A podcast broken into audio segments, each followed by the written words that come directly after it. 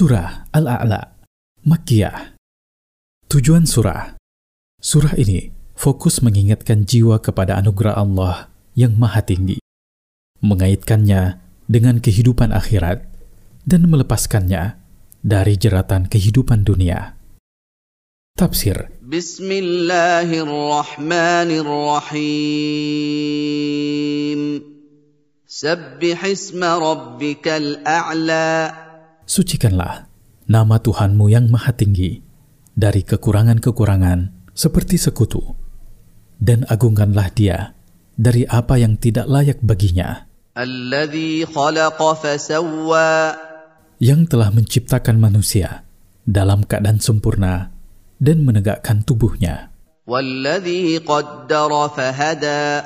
Yang menentukan makhluk-makhluk dari sisi jenis-jenisnya, macam-macamnya, dan sifat-sifatnya, serta membimbing setiap makhluk kepada apa yang sesuai dan cocok untuknya. Yang menumbuhkan dari bumi apa yang dimakan oleh ternak-ternak kalian.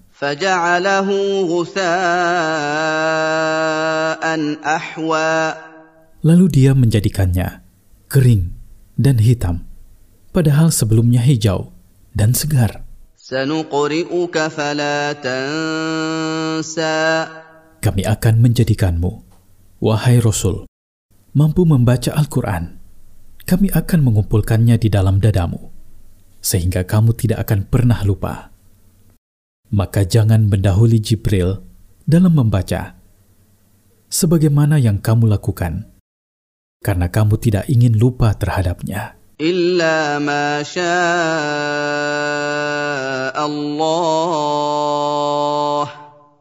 إنه يعلم الجهر وما يخفى kecuali apa yang Allah kehendaki agar kamu lupa terhadapnya karena suatu hikmah sesungguhnya Allah Subhanahu wa taala Maha mengetahui apa yang ditampakkan dan apa yang dirahasiakan tidak ada sesuatu pun darinya yang samar baginya.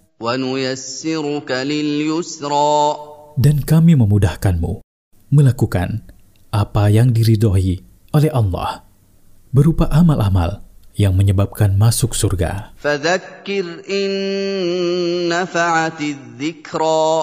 Nasihatilah manusia dengan Al-Quran yang kami wahyukan kepadamu. Ingatkanlah mereka selama peringatan itu didengarkan. Nasihatmu berguna bagi siapa yang takut kepada Allah, karena dialah yang mengambil faidah dari nasihat. Sedangkan orang kafir, dia akan menjauh dan lari dari nasihat, karena dia adalah manusia yang paling sengsara di akhirat, karena dia masuk neraka.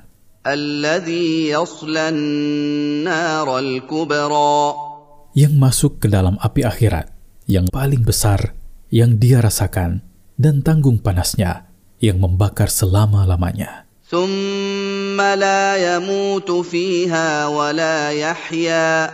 Kemudian dia kekal di dalam neraka. Dia tidak mati untuk bisa beristirahat dari azab yang dideritanya. Dia juga tidak hidup dengan kehidupan yang baik dan mulia. Siapa yang menyucikan diri dari kesyirikan dan kemaksiatan-kemaksiatan telah beruntung dengan meraih apa yang diinginkan. Dia mengingat Tuhannya dengan apa yang dia syariatkan berupa zikir-zikir yang bermacam-macam dan mendirikan solat dengan sebaik-baiknya. Justru kalian mendahulukan kehidupan dunia dan lebih mementingkannya daripada akhirat. Padahal perbedaan di antara keduanya sangat besar.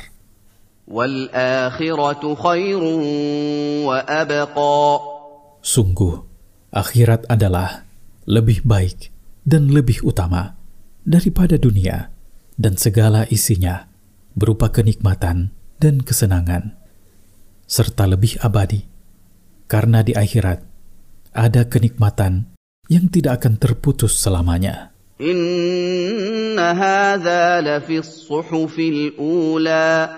Sesungguhnya, apa yang kami jelaskan kepada kalian berupa perintah-perintah dan berita-berita benar-benar tertulis dalam lembaran-lembaran yang diturunkan sebelummu.